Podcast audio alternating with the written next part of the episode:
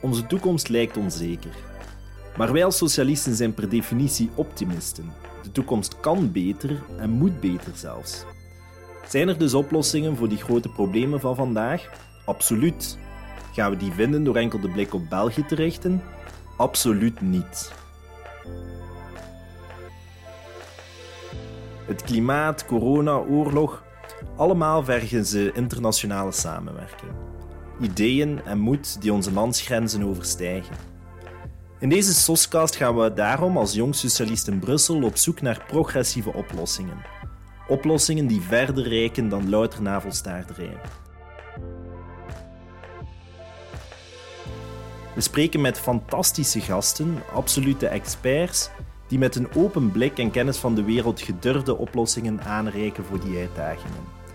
Internationale samenwerking en solidariteit staan daarbij centraal. Want onze slagzin luidt tenslotte nog steeds: proletariërs aller landen, verenigt u. Geniet ervan.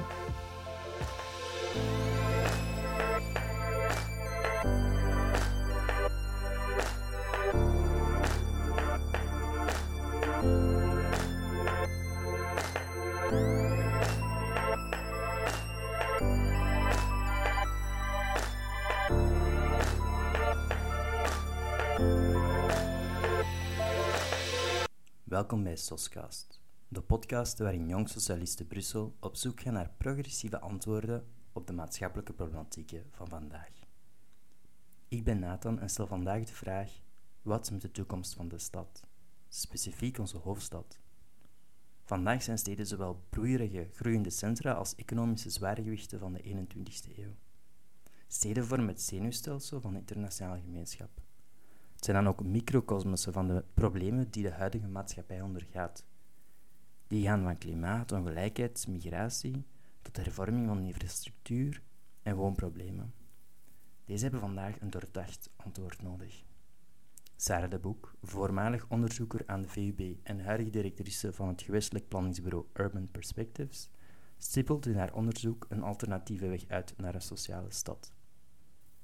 In haar werk staat de essentiële economie centraal.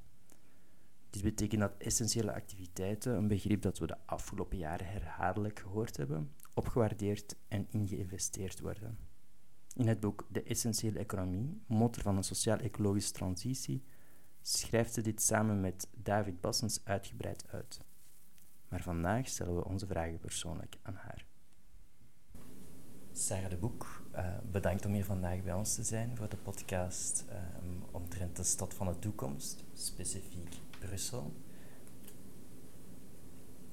Um, voordat we eraan beginnen, zou ik graag een beetje um, uw onderzoek willen kaderen voor de luisteraar en u willen vragen om een centraal begrip in uw onderzoek een beetje toe te lichten, dat zijn de, de essentiële economie.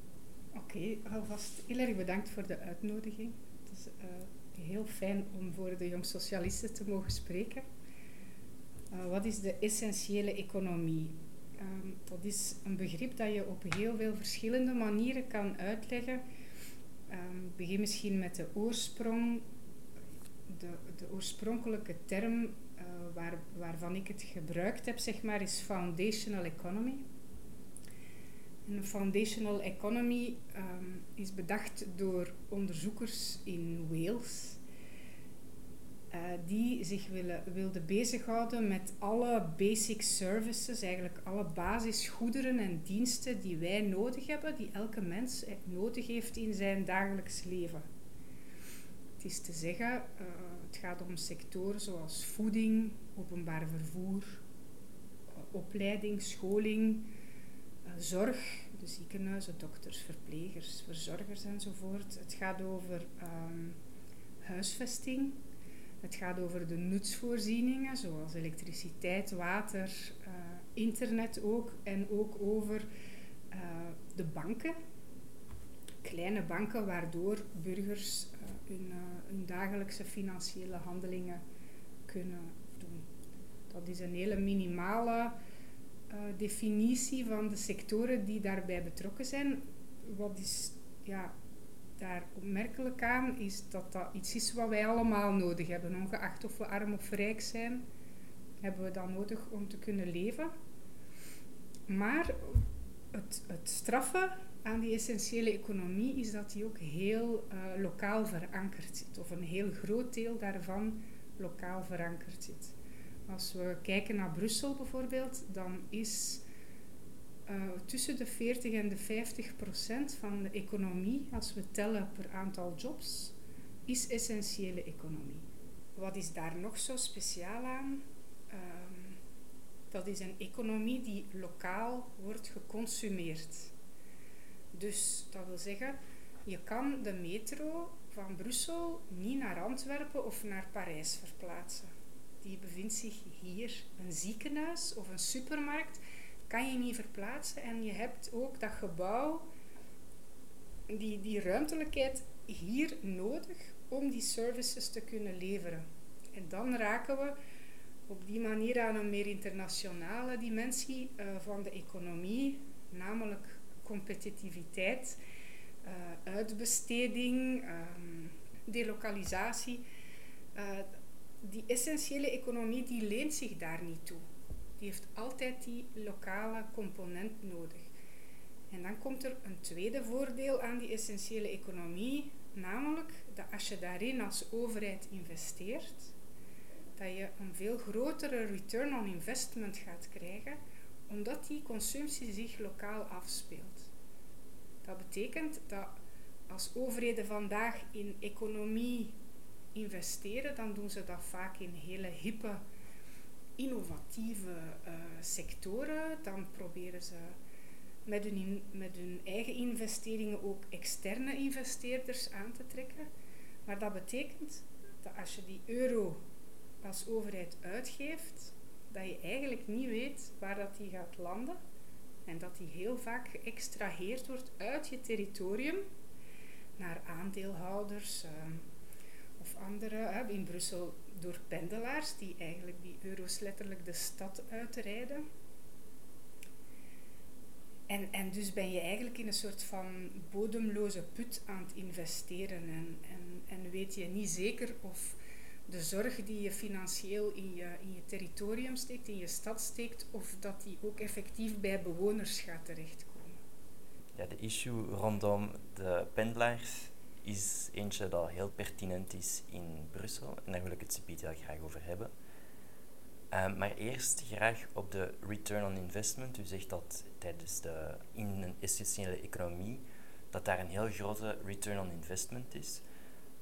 Wat dat we zien in veel steden tegenwoordig, is dat er andere modellen gebruikt worden om een stad terug te herwaarderen, om aantrekkelijk te maken. En die modellen die gaan voornamelijk uit van fiscale voordelen en um, infrastructuur uh, te bieden aan bedrijven die heel beloftevol zijn. Tegenwoordig zijn dat voornamelijk technologische en digitale bedrijven. In uw onderzoek merkt u dat zo'n model problematisch kan zijn voor een regio in een stad als dat niet goed is afgestemd op de, op de lokale economie, in dit geval dan de essentiële economie, en dat dat dan een beetje een ongezonde competitiviteit kan creëren tussen de essentiële economie en deze modellen. In eerste instantie denk ik dat er aan zich niks mis is met fiscale voordelen geven aan technologische start-ups. En zeker niet als dat leidt tot innovatie binnen essentiële sectoren. En dat wil zeggen binnen sectoren die basisgoederen en diensten leveren. Nou, soms dan denken we te weinig of te nostalgisch aan bijvoorbeeld productieve activiteiten, uh, zoals uh, in, de, in, in, in, maken van bouwmaterialen of, um, of, uh, of, of de voedingssector enzovoort enzovoort. Maar dat zijn vandaag ook vaak heel hoogtechnologische sectoren die best wel investeringen kunnen gebruiken. Zeker als we nadenken over ecologische transitie, sociale transitie van onze economie. Dus het zijn sectoren die ook baat hebben bij innovatie. Het probleem stelt zich uh, dat daar uh, vaak geen parameters of indicatoren voor bestaan. En dus dat een overheid vaak geen onderscheid maakt tussen Gaan we investeren uh, in, in leuke apps en, en, en dergelijke start-ups die, die zo'n allerlei softwareprogramma's schrijven? Uh, of, of, gaan we investeren in, in bedrijven die net inzetten op die innovatie in essentiële sectoren? En dat je daar zou kunnen opteren als overheid voor een voorkeur. Um, dus dat is, dat is één, uh, één aspect dat ik daarover uh, kan vertellen. Als ik het heb over planning, wat krijg je daar? Dat is een, een, een zone, een perimeter, die wordt afgebakend in de stad. En dan wordt er gezegd van, kijk, hè, in de kanaalzone in Brussel, waar een groot probleem is van werkloosheid en ook jongerenwerkloosheid.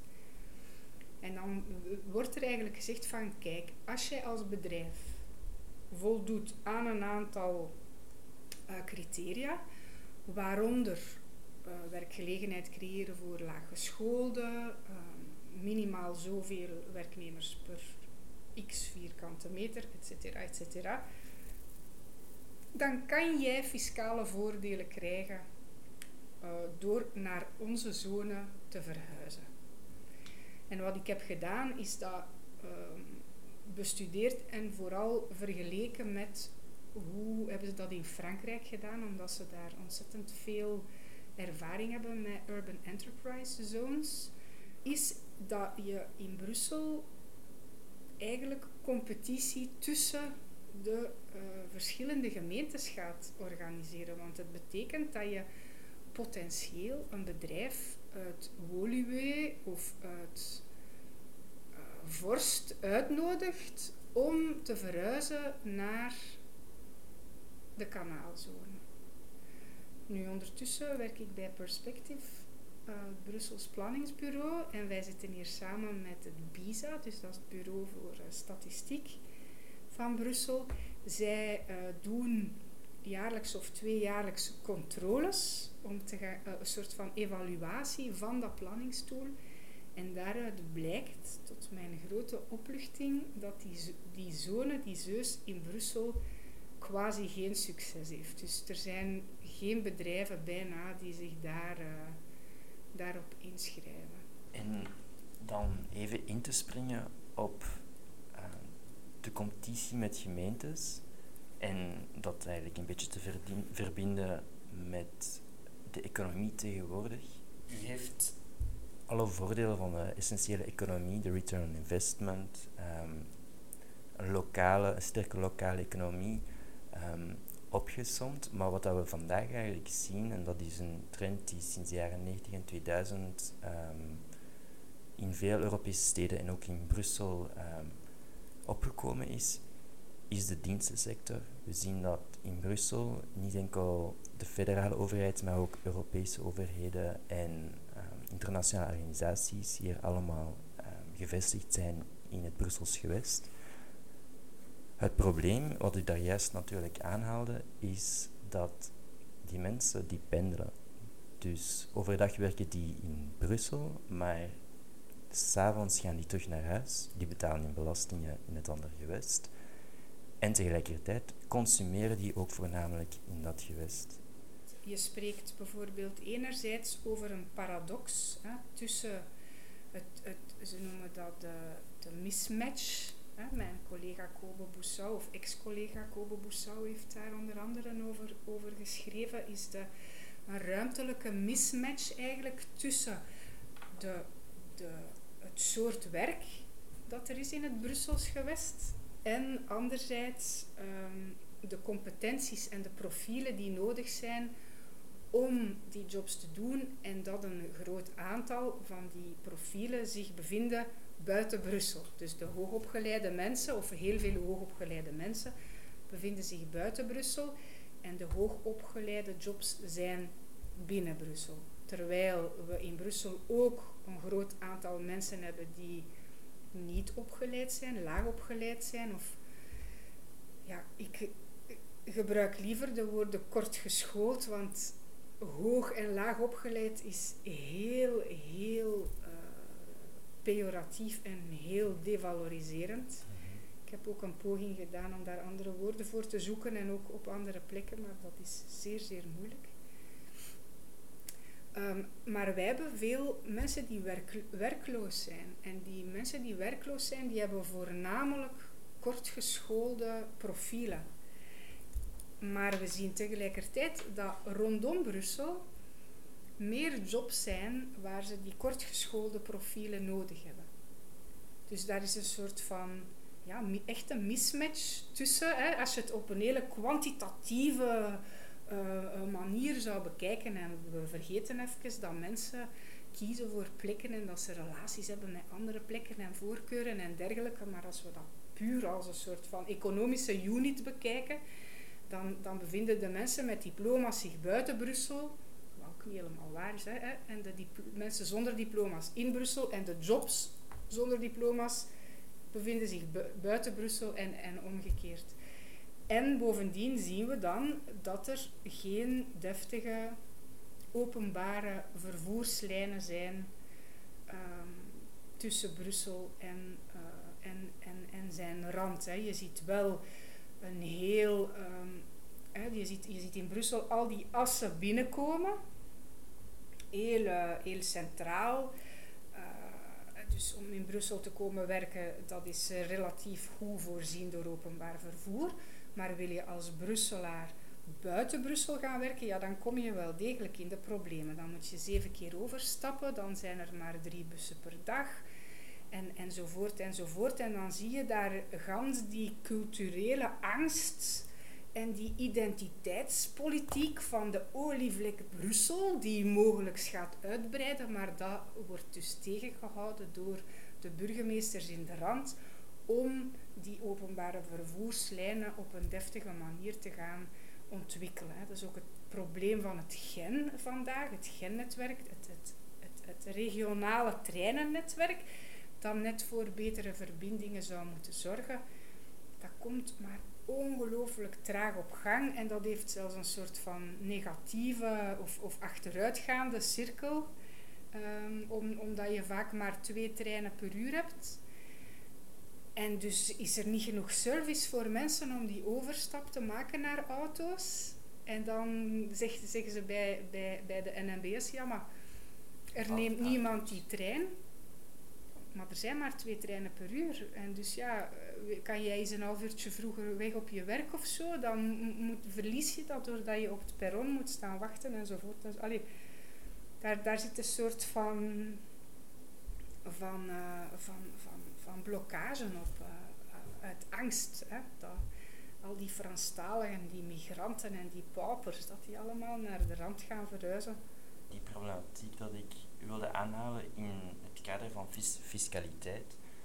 Um, omdat we zien dat in veel gemeentes, dat mensen die daar wonen, die zijn kort geschoold en die hebben niet de hoge salarissen van diegenen die in de dienstensectoren uh, werken. En dat dat eigenlijk een inkomstenverlies um, genereert voor zowel het gewest als de gemeentes onderling. Gemeentes hebben een fiscaal tekort. Hoe pakken ze dat tegenwoordig aan? Um, om toch nog in economie in basisvoorzieningen te voorzien en in economie, uh, lokale economie en sociale economie aan de gang te houden, um, maar tegelijkertijd ook nog te kunnen investeren in de toekomst? Wel, je ziet, je ziet in het Brussels gewest de facto grote verschillen tussen de gemeentes die zich aan de westkant van het kanaal en aan de oostkant van het kanaal uh, bevinden. Alle gemeentes bevinden zich in een zeer moeilijke situatie vandaag, nog meer dan een paar jaar geleden, omdat je je hebt, krijgt uh, verhoging van de leeflonen bij het OCMW, een zeer goede zaak, maar de gemeentes krijgen daar geen financiële compensatie voor. Je krijgt de indexering van de lonen van de ambtenaren bij de gemeentes, maar de gemeentes krijgen daar geen compensatie voor. Dus met hetzelfde budget moeten zij eigenlijk veel meer uitgaven doen. Hoe zijn de inkomsten van gemeentes samengesteld? Onder andere komen die via de belastinginkomsten op arbeid, via de, de, inkomenspercentielen die, die je moet betalen. En die zijn in gemeentes zoals Molenbeek bijna bij de hoogste van Brussel. Omdat er anders gewoon niks, niks binnenkomt. Een andere manier voor een gemeente om geld te verdienen is um, stedenbouwkundige vergunningen uitschrijven en, en verdichten. dat betekent uh, dat je daar belasting op eigendom kan heffen. En, en dus kom je eigenlijk in een soort van spanningssituatie terecht, omdat je in hele. Als ik het nu heb over Molenbeek, omdat ik de, situatie van die gemeente het beste ken, heb je eigenlijk in historisch Molenbeek al een zeer, zeer dens morfologisch weefsel. Dat wil zeggen, er, de densiteit is, is daar rond de 25.000, 26.000 inwoners uh, per vierkante kilometer. Um, dat betekent dat de mensen heel dicht op elkaar wonen, dat de straten heel smal zijn, dat er bovendien geen groen is, uh, geen, veel te weinig parken. Um, en daar, als je, als je daar extra inkomsten wil genereren als overheid, moet je vooral nog gaan bijbouwen. En dus nog meer gaan inbreuk doen op de kwaliteit van de publieke ruimte, van de levensruimte van de mensen. En dus ben ik zelf iemand die pleit voor een veel grotere fiscale solidariteit en, en dat we daar um, over moeten nadenken. Als je bijvoorbeeld in plaats van, hè, vandaag is je woonplaats je criterium voor waar je belasting betaalt. Stel nu eh, dat we gewoon eh, uit de losse pols oefening, een oefeningetje doen en we zeggen van oké, we gaan onze fiscaliteit bepalen op basis van de dichtheid. Dan zouden gemeentes zoals Sint-Joost, Tenode en Molenbeek de allergrootste inkomsten, fiscale inkomsten hebben van heel België. En Molenbeek is vandaag officieel de armste gemeente van België. Dus daar zitten allerlei ongelijkheden in, in ons belastingssysteem. En natuurlijk bestaat er ook hoegenaamd geen politieke wil om daar verandering in te brengen, omdat dat voor de meeste gemeentes zou betekenen dat ze een stukje moeten afgeven. Dus daar, ook daar zit een paradox in die, die, die zeer, zeer moeilijk is, is op te lossen. Bovendien ja, zijn, er, zijn er zoveel andere dynamieken die, die, die spelen. Hè. Molenbeek is echt ook een plek van aankomst, net omdat daar is een, een, overlevingseconomie. Je kan daar heel goedkoop aan een bijzonder slechte woning geraken, maar je hebt dan wel een matras of een dak boven je hoofd. En dus heeft dat een, een, een aanzuigeffect waar, waar een internationale, internationale problemen voor een stuk ook landen op Molenbeekse grond. Maar zo'n gemeente wordt dan wel altijd geculpabiliseerd. De miserie die zich daar in jullie gemeente afspeelt, is jullie eigen schuld. En jullie moeten dat zelf oplossen. Om in te pikken op het verdichten van, van de stad. Dat is inderdaad een van de manieren voor een gemeente om meer inkomsten te genereren. Um, maar wat dat u ook aantoont in uw onderzoek en wat dat we ook zien in het nieuws, bijvoorbeeld met uh, eh, CU-site en ook met de gevangenis, dat we die tegenwoordig, die gronden, de overheid wil die opkopen, de gemeentes wil die opkopen, om daar basisbehoeften neer te zetten, om daar sociale woningen, etc. neer te zetten, maar dat ze daar gewoon het geld niet voor hebben, omdat ze daar eigenlijk moeten opbieden tegen um, de finan financiële powerhouses van de investeerders, die zelf daar huizen gaan bouwen voor mensen die, die, die het kunnen permitteren om daar een, een chiquer appartement te kopen. Hoe kan een gemeente of het gewest in het algemeen daarop reageren om toch nog die basisbehoeftes, uh, de huisvesting, want dat is natuurlijk heel belangrijk in Brussel, dat is nog steeds een nood, uh, te garanderen? Ja, dat is een, een zeer, zeer belangrijke vraag. Bon, als je het hebt over de gevangenis, dan moet ik toch eerst even zeggen dat het hier gaat om een pure perversiteit want die grond is vandaag reeds overheidsgrond, namelijk federale overheidsgrond. En dus komen we in een situatie terecht waar de ene overheid geld probeert te verdienen aan een ander overheidsniveau.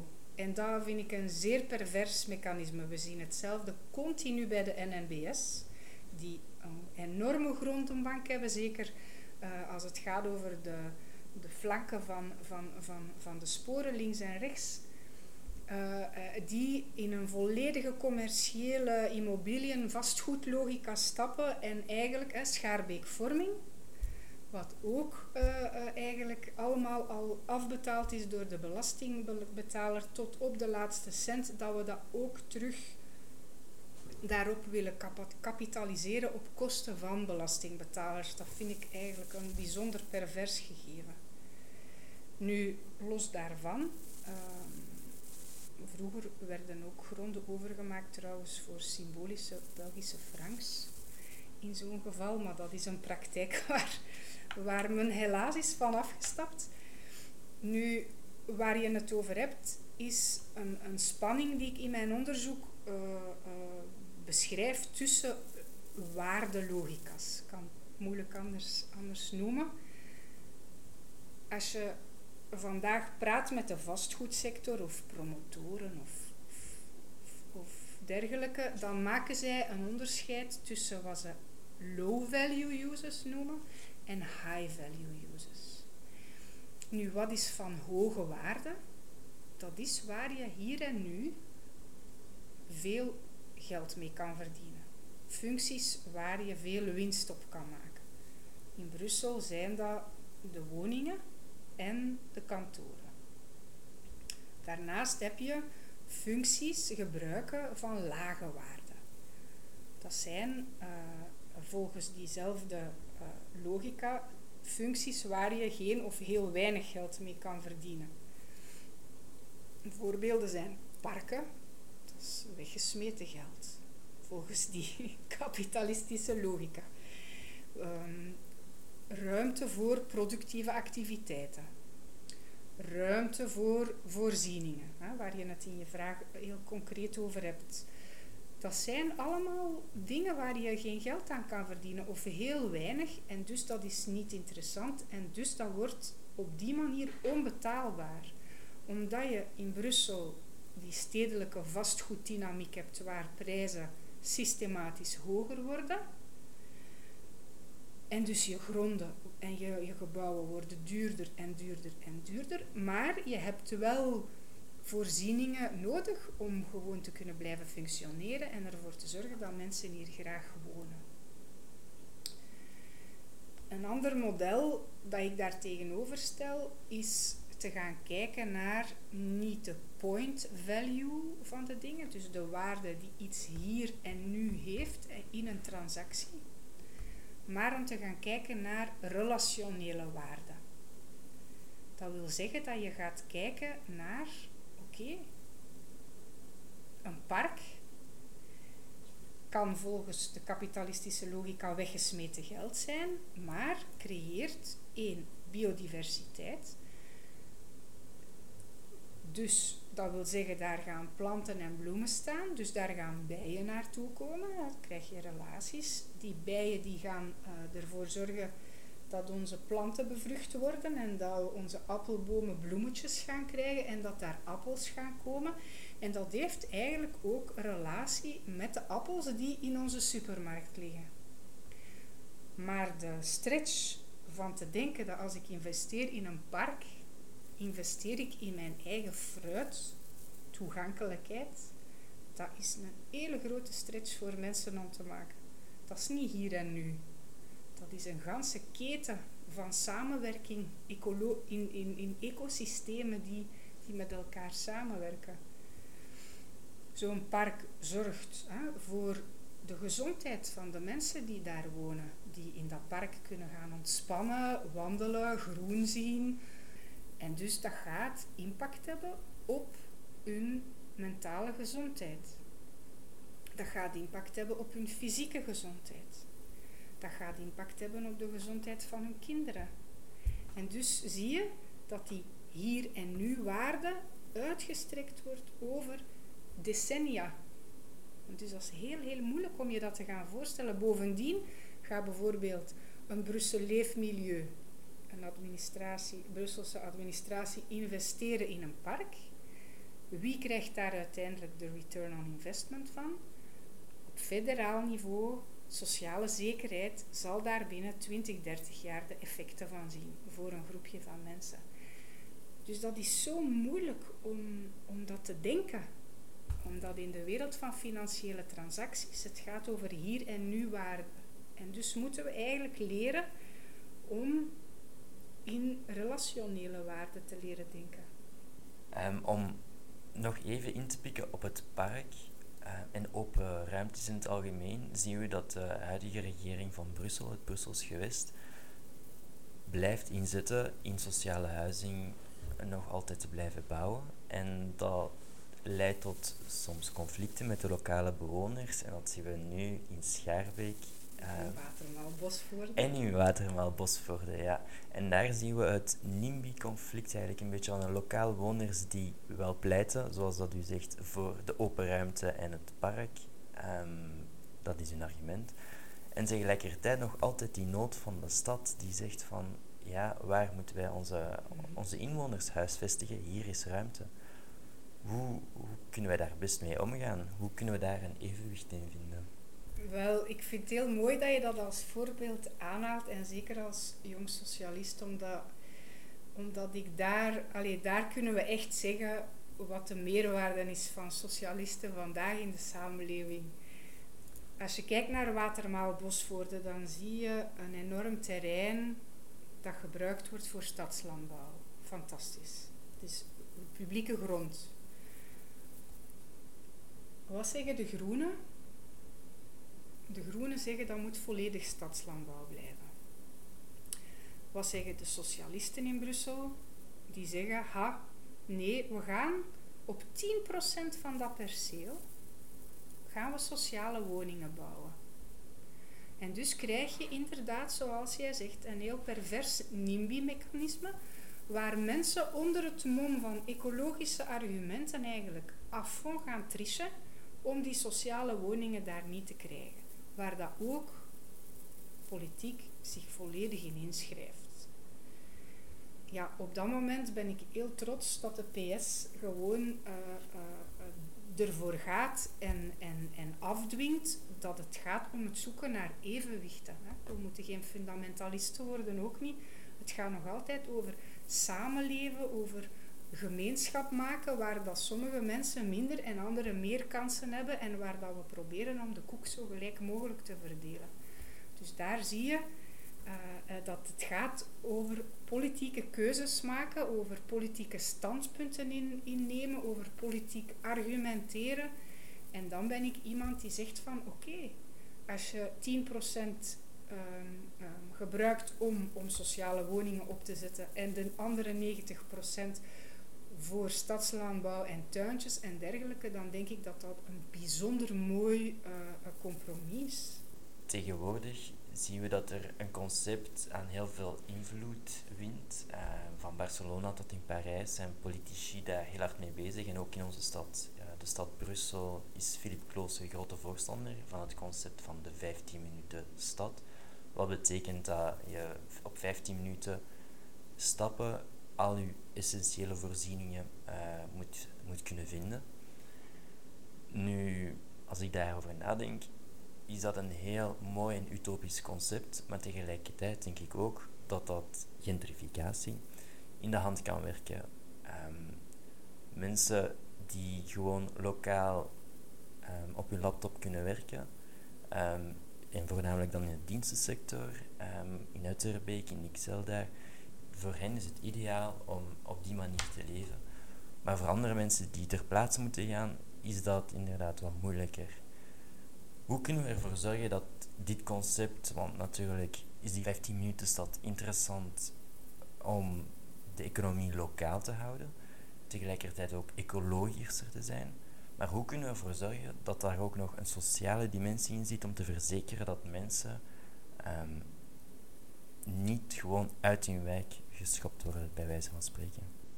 Wel, toegankelijkheid wordt, wordt vanuit, vanuit uh, het, idee van de 15 minuten stad heel erg bekeken vanuit nabijheid en vanuit afstand. En dus wil zeggen dat we de afstand gaan berekenen tussen iemand zijn woonplaats en een basisvoorziening.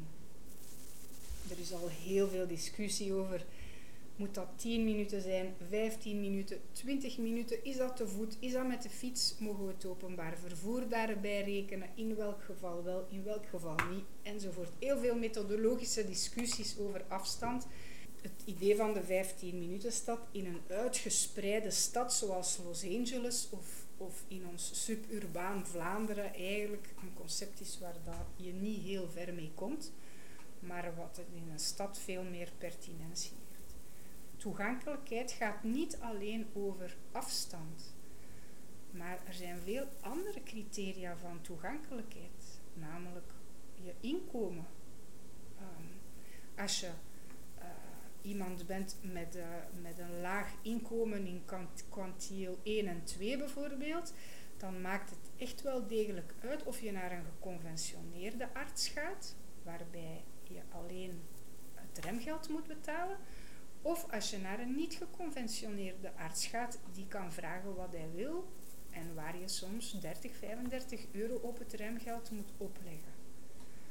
Dus dat betekent dat als jij je kaart gaat maken van je huisartsen in Brussel, dat je misschien wel gaat zien dat er een zeer mooie spreiding is over alle wijken, maar dat als jij daar niet bij zit, of dat dat geconventioneerd is of niet, ja, dan creëer je wel een probleem, want mogelijk zijn een heel deel van die huisartsen niet toegankelijk voor heel veel mensen. Zeker vanuit het idee vandaag om vanuit de Brusselse regering te gaan investeren in sociale huisvesting en die sociale huisvesting gelijker te gaan verspreiden over het gewest en dus ook meer sociale huisvesting te zetten in de gemeentes in Oost-Brussel, ja, dan creëer je wel mogelijk een heel grote isolatie van die mensen. Omdat uit onderzoek ook blijkt dat zij veel minder mobiel zijn. En dus dan, dat zij niet zomaar hun wijk uitgaan om een huisarts te gaan zoeken ik heb het nu over, over huisartsen, maar, maar het gaat ook over genre, uh, het, het, gaat over uh, gender. Dus um, je supermarkt, je, je toegang tot voeding, uh, dat is wel een heel groot verschil. Of je naar Carrefour gaat of zo, of Deleuze, waar relatief dure supermarkten zijn, of je naar de Aldi of de Lidl kan gaan. En voor veel mensen zijn de Aldi en de Lidl ook nog te duur. En die gaan naar de markt. Maar is er een toegankelijke markt? Want de markten vandaag in het oosten van Brussel zijn hele grote niche-markten met dure biologische producten. Dat is niet zoals aan de abattoir of, de Zuidmarkt bijvoorbeeld. Um, ja, dus, dus die, die, die, die de aanwezigheid van uh, die essentiële uh, diensten is niet genoeg. Je moet ook gaan kijken naar andere criteria van uh, toegankelijkheid. In, uh, in het centrum van Brussel staat bijvoorbeeld uh, de Lidl, een van de goedkopere, supermarkten van het centrum. En onlangs wilde Colruyt um, bij, in de buurt van Louisa een, een winkel neerzetten. als ik mij niet vergis is het Brussels gewest geweest dat daar een nee op heeft gegeven. Denkt u dat het Brussels gewest zich hiervan bewust is, de, uh, de regering zich hiervan bewust is van dit probleem, van die sociale isolatie? En zo, zo niet, hoe dat ze dat beter kunnen aanpakken? Wel, ik, ik denk dat, dat vandaag mensen in het algemeen daar nog niet genoeg bewust van zijn, omdat ja, ik, ik, nu ik zelf voor de overheid werk, um, merk ik toch vaak een heel kwantitatieve benadering van de dingen. dus je, je krijgt als, als politicus ook gewoon cijfers binnen. Je, je, krijgt, uh, je krijgt de cijfers dat eigenlijk in potentie 50% van alle Brusselaars vandaag in aanmerking komen voor een sociale woning. dat de huidige wachtlijsten en wachttijd duurt 12, 14 jaar. Dat zijn gigantische cijfers. Daar worden politici continu op afgesproken, op aangesproken en op afgerekend van eh, jullie doen jullie job niet. Dit is een probleem dat al bestaat sinds de jaren 70, wanneer men eigenlijk sinds de jaren 70 en de verschillende opeenvolgende economische crisissen die toen plaatsvonden, gestopt, uh, ervoor gezorgd heeft dat men gestopt is in het investeren massaal in sociale woningbouw. Dus je ziet in Brussel heel veel projecten die in de pipeline waren, maar die door financieringsproblemen volledig zijn stilgevallen en die motor is nooit meer op gang gekomen. Ja, dat is een kwantitatief probleem, dus daar willen politici dan kwantitatieve oplossingen voor verzinnen. Dus die zeggen van oké, we hebben bijvoorbeeld 25.000 sociale woningen nodig, voilà, waar gaan we die zetten? Punt.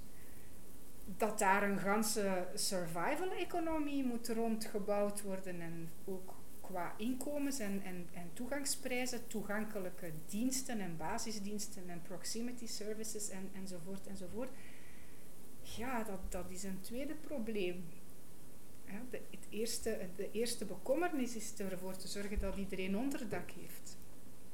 Dus dat zijn, dat zijn spanningsvelden tussen ja, kwantitatieve en kwalitatieve manieren van kijken naar de wereld. Ik denk dat het belangrijk is dat iedereen die zich er bewust van is, gewoon ook probeert om, om, daar te sensibiliseren, daarover te schrijven, daarover te spreken en dat te proberen heel concreet en tastbaar uh, te gaan maken. Want daar zit ook een groot gevaar aan.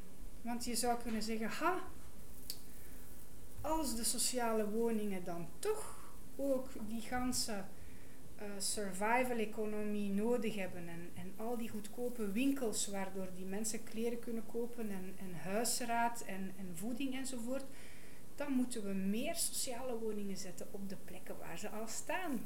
Dat is het gevaar. En dus gaan we gemeentes zoals Molenbeek en Anderlecht extra gaan belasten. Want die kunnen dat gewoon niet meer dragen, financieel. Bovendien ja, gaat dat ook, ook gepaard met in, in, in sociale woningen is er genoeg sensibilisering rond wanneer zet je je afval buiten, worden mensen daar, daarop aangesproken. Hè. Dat is, dat is in, in, in grote appartementsgebouwen waar middenklasse woont ook het geval. Maar daar heb je een syndic die veel te veel betaalt, een syndicus. Eh, en, en, en daar zijn, zijn mensen die collectief in dienst worden genomen om continu alles te gaan schoonmaken sociale huisvestingsmaatschappijen hebben veel minder geld om in dat beheer te investeren en zo. Dus dan creëer je ook clusters waar wat meer vuil ligt en dan wordt er gezegd, ja maar dat zijn die mensen van die sociale woningen die niet weten wanneer dat ze hun afval moeten buiten zetten en die doen eender wat. Maar, maar eigenlijk gaat het erom dat er niet genoeg kapitaal is om mensen in dienst te nemen om dat afval op te ruimen. Hè. Laat je een middenklasse appartement van CityDev drie maanden onbeheerd zonder syndicus, dan zou je ook enorm verschieten wat voor afvalhopen en degoutanterijen dat je daar zou, zou aanvinden. Maar ja, al die, die logica's die daarachter zitten, die, die werken natuurlijk mee aan dat negatieve beeld van mensen in sociale woningbouw. Dat, dat, dat versterkt die NIMBY-effecten. En, en dus nu zijn we al op het punt gekomen dat we ecologische argumenten gaan verzinnen om mensen met een laag inkomen buiten onze buurt te houden. Het paradox, um, hoe dat we eigenlijk, en dan zien we ook dat die essentiële economie ook heel um, gelaagd is, dat die essentiële economie voor elke, elke klasse er anders uitziet. En dat er daar eigenlijk een paradox komt voor diegenen die dan um, in, in Watermaal, in sociaal huisvesting zitten, dat die daar helemaal geïsoleerd gaan zitten. En dat zonder een survival economie of die essentiële economie, dat die ook niet vooruit kunnen. En dat dat eigenlijk ook helemaal niet het antwoord is voor, voor de stad. Um, en zoals u zegt, van, ja, om het allemaal een beetje terug bij elkaar te brengen. Um, het is een probleem van kapitaal, maar ik heb zeker het gevoel dat het een groot probleem is van kapitaal dat niet juist verdeeld wordt. Het wordt niet juist verdeeld tussen de gemeentes in het gewest. Ehm, er wordt om gevochten tussen de, tussen de gewesten. En de federale overheid die komt dan nog eens bij de het gewest of bij de gemeentes om, um, om, om te verkopen en nog eens wat geld af te halen. Hm. Een donkere noot om op te eindigen. Kan ik u vragen om misschien een, een positief beeld, iets wat u denkt, een, een evolutie die u nu ziet in de stad Brussel, waarvan u denkt dat er uh, iets moois op gang aan het komen is en dat we er zeker nog naar mogen blijven kijken de komende jaren? Wel, ik denk dat het sowieso interessant is dat er stap voor stap meer interregionale samenwerking is. Ik hoop dat we op termijn kunnen evolueren naar een, uh, een metropolitaan gebied, hè, wat de werkelijke, uh, de werkelijk functioneringsgebied is van, van, van Brussels gewest. Als we daar al fiscale solidariteit zouden kunnen creëren, dan zouden vanzelf al heel veel problemen oplossen. Wat ook heel positief is, is dat we vandaag een progressieve regering hebben in Brussel. En waar je dan toch ziet dat er heel wat reflexen naar boven komen. Om meer te gaan inzetten op sociale en ecologische transitie. Als daar nu nog iets meer ruimtelijk bewustzijn in zou komen, dan zou dat heel tof zijn, omdat daar voor Brussel nog een hele grote potentie is als we gaan kijken naar onze plannen, onze strategische plannen. Dat wil zeggen, hoe willen wij dat de stad er binnen 10, 20, 30, 40 jaar uitziet, zoals Good Move, plan van Brussel Mobiliteit of het PREC, het, het programma uh, van de regionale circulaire economie of zelfs de nieuwe, uh, het nieuwe plan, uh, strategische plan voor economische transitie, dan zien we dat dat au fond eigenlijk zeer goede plannen zijn industrieel plan ook. Hè. Die zijn samengesteld via participatieve modellen. Die zijn samengesteld met academici, met actoren uit uh, zowel werkveld, economisch veld als de sociale partners enzovoort. enzovoort. Daar zijn hele grote, brede participatieve processen aan vooraf gegaan. Maar er is één vraag die men altijd heeft vergeten stellen. En dat is, waar gaan we die plannen realiseren? op welke plekken in Brussel gaan we dat doen? Waar is er genoeg ruimte om te gaan investeren in economie? En dat is een cruciale vraag, zeker als we terugstappen naar die logica van low value en high value users. En, en, en, en wat eigenlijk mogelijk een, een, een rem zet eigenlijk op de verdere ontwikkeling uh, van Brussel. Dus ja, je ziet je ziet dat er heel veel hele mooie tendensen zijn, dat er heel mooie werkprocessen zijn, heel mooie collectieve processen waar ook overheden veel meer met elkaar onderling beginnen, beginnen samenwerken. En dan natuurlijk komen we de andere problemen tegen, zoals de grondprijzen en, en dergelijke. Dus ik denk sowieso dat dat ook mee opgenomen gaat worden in in ons collectief bewustzijn in de stad en dat we vooral moeten investeren in, in, uh, ja, in, in publieke vastgoedexperten. Bij deze een oproep aan alle jongeren om rechten en zo te gaan studeren en, en vastgoed en, en al zo'n dingen. Niet om al dat geld later in je zakken te gaan steken en voor promotoren en de privé te gaan werken, maar wel om de overheid en om burgerinitiatieven te gaan versterken om aan creative policy te gaan doen. Omdat we op die manier en ook, ook, ook altijd heel goed de link met Europa te bewaren en daar te kunnen gaan lobbyen in hyper saaie juridische taal, maar toch de taal van die, die vandaag toch al bijna de helft van onze wetgeving uitmaakt. Dat gaat ons echt vooruit helpen en dat gaat in kleine stapjes, maar, maar dat gaat wel lukken. Sarah de Boek, heel erg bedankt voor dit gesprek. Graag gedaan.